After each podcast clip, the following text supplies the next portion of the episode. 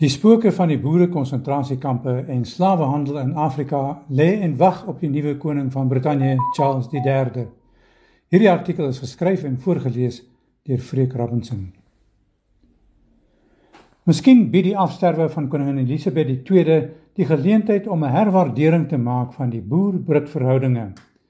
Die EFF het in 'n kru en werklik onsmaaklike verklaring die koningin daarvan beskuldig dat sy vir 70 jaar aan die hoof gestaan het van 'n koloniale moondheid wat verantwoordelik was vir die ontmensliking en dood van miljoene mense. Die Afrikaner het ook rede om 'n vinger te wys, maar om met beledigings en verwyte te kom, gaan niks help nie.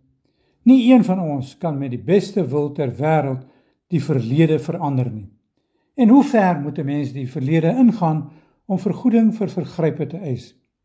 Betreurenswaardig is dit dat die geskiedenis van die mens oor 'n tydperk van sowat 6000 jaar basies 'n verslag is van stryd en oorlog.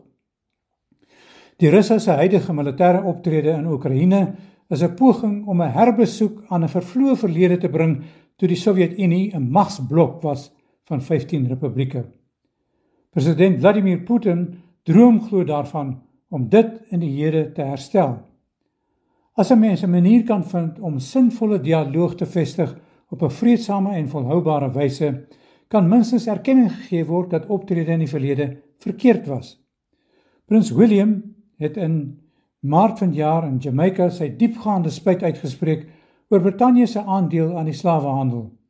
Hy het egter nie so ver gegaan om om verskoning te vra nie.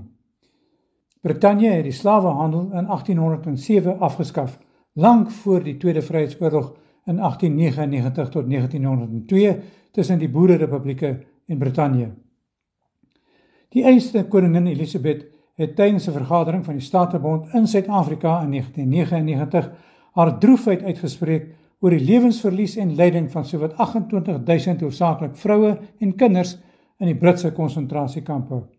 Ook sy kon nie so ver gaan om jammer te sê nie. Dit is nodig dat oor hierdie dinge gesels moet word. Anders lê die ding daarin sweer in ons midde en maak dit versoening of minstens begrip moeilik. My ervaring van die nalatenskap van die konsentrasiekampe het my laat besef hoe diep die sielswonde kan wees van so 'n volkstrauma. Dit kan letterlik vir 'n eeu of meer 'n krapplek bly wat aanvaarding en respek vir mekaar beduiwel. Toe ek nog maar 'n jong seentjie was van 6, het my ouma van ma se kant vir ons kom kuier in Umtata in die ou Transkei waar my pa gewerk het. Ouma Sophie was toe al bedlend weens kanker. Ek en my ouer broer Louis het soggens vroeg na haar kamer gegaan en weerskante van haar in die bed ingekruip.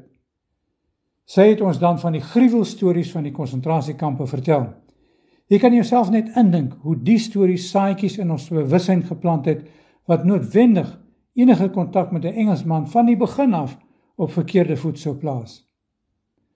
Ouma Sophie was haar jong dogtertjie tydens die oorlog Toe die Engelse begin het met die verskroeide aarde beleid, het sy en 'n paar ander vroue en kinders en ook enkele swart mense in 'n grot weggekruip waar hulle sowat 'n jaar gebly het. Hulle is basies aan die lewe gehou deur plaaswerkers. My ouma het self nooit in 'n konsentrasiekamp beland nie. Nogtans het sy deur die verhale van familie en vriende wel deeglik kennis geneem van wat alles in die kampe aangegaan het. Op haar beurt het ouma Sophie my ma en ander kinders van vroeg af al die konsentrasiekamp verhale vertel. My ma is in 1926 gebore. So sy het nie eerstehands kennis gehad van die gruwels van die konsentrasiekampe nie. Tog het dit 'n groot invloed op haar gehad. Sy het in haar volwasse jare die Nasionale Party ondersteun. Na die verkiesing van 1994 het 'n herskikking in die politiek plaasgevind met die Demokratiese Party, die ou Progparty en die nuwe nasionale party wat nader aan mekaar beweeg het en die DA gevorm het met Tony Leon as leier. Ek vra toe my ma, watter party gaan jy nou voorstem ma, siende dat die nasionale party daarmee heen is? Sy het 'n bietjie gedink en toe gesê, ek dink ek sal maar vir die ANC stem, maar vir die Engelse kan ek nie stem nie. So my ma het daardie grief teen die Engelse vir 'n goeie deel van 'n eeu in haar gedra oor dit wat by die konsentrasiekampe gebeur het. Die les daaruit te leer is dat die trauma van mense wat deur diep water in oorlog of onderdrukking is, nie sommer so situasiete ontslae daarvan sal kan raak nie. Daar is heelwat studies daaroor. Een treffende voorbeeld daarvan is die hoë sensitiwiteit in die verhouding tussen Israel en Duitsland oor die nasiese mishandeling van die Jode in konsentrasiekampe tydens die Tweede Wêreldoorlog. Voormalige president Nelson Mandela het by geleentheid voor 'n Afrikaanse gehoor gevra Hoekom is dit so dat die Afrikaner wat self so gelei het onder die Britte en kolonialisme, die foute herhaal het met die apartheidsbeleid? Dit is heeltemal 'n legitieme vraag. Wat my bekommer, is die gewaarwording, soos hierbo beskryf, dat die wonde van aftakeling en geweld nie maklik nie en nie gou nie genees. Miskien kan ons begin met 'n poging om minstens in 'n konferensie met die Britte te praat oor Afrikaner wrok oor kolonialisme en swart mense se ervaring daarvan. Die verhouding van Afrikaners met die Britte was nog nooit goed nie. Vanaf die Kaapse besetting in 1806 tot en met die nuwe bedeling in 1994. Die vorige langsdienende koninklike voor Elisabeth II, koningin Victoria, was op die troon tydens die Anglo-Boereoorlog. Minstens moes sy as vrou opgetree het en geëis het dat toestande in die kampe verbeter. Na die Boereoorlog en sedert die Unie van 1910 was daar maar krapperigheid tussen die Afrikaner en die Britte. Eerstens oor Sir Alfred Milner se veldtog om onderwys te verengels.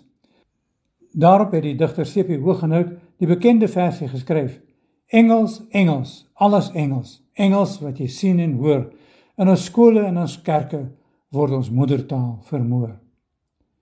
Milner het erge emosies en 'n taalstryd ontketen wat in 1925 tot die amptelike erkenning van Afrikaans gelei het. Daardie stukkie geskiedenis oor die taalstryd moet eintlik vir die ANC regering 'n baie duidelike vingerwysing wees dat 'n geveg oor die status van Afrikaans vel kan word en liefs nie aangepak moet word nie. Dis onnodig. Tyd moet eerder bestee word aan die verbetering van verhoudinge en erkenning van Afrikaans as 'n inheemse taal wat wyd onder mense van alle rasse gepraat word. Deurgangs sedert 1910 het Afrikaanse politici probeer om Suid-Afrika los te wikkel van Britse oorheersing. Dit het uitgeloop op destydse eerste minister Hendrik Verwoerd se onttrekking van die Statebond en die vestiging van die Republiek van Suid-Afrika in 1961. Daarna was koningin Elisabeth nie meer die staatshoof van Suid-Afrika nie. Teen die einde van die 60er jare met die Springbok rugby toer na Engeland, wat deur betogings ontwrig is, het die internasionale veldtog teen apartheid momentum gekry met Brittanje aan die voorpunt met die Glen Eagles ooreenkoms van 1977 in Skotland met die Glen Eagles ooreenkoms van 1977 in Skotland het die Statebond sportsanksies teen Suid-Afrika aangestel. Dis opgevolg in 1985 toe beperkte ekonomiese sanksies ingestel is. Die Britse eerste minister, Margaret Thatcher, was gekant teen volskaalse ekonomiese sanksies omdat sy geglo het dit sou die reeds verontregtes onder apartheid die swaarste tref. Sy het met die standpunt alleen gestaan teen die hele Statebond. Na wat berig word het koning Elisabeth die gebruikelike reël dat die koningshuis neutraal in die politiek moet staan op sy geskuif en Thatcher in 'n uitsonderlike wending aangespreek het om die Statebond te steun. My bemoeienis met die Britse koningshuis was die gebruik onder ons studente, so nou en dan as daar aan die nuus iets was wat daartoe aanleiding gegee het om op 'n om 'n aangepaste weergawe van die wysie van die Britse volkslied te sing. Ons is nie Engels nie. Ons is nie Engels nie, maar Afrikaans. Ons is getrou aan volk en taal van die Kaap tot aan die Vaal. Ons is nie Engels nie, maar Afrikaans. Van nou af sal die lied natuurlik nie meer begin met God save the Queen nie, maar met God save the King.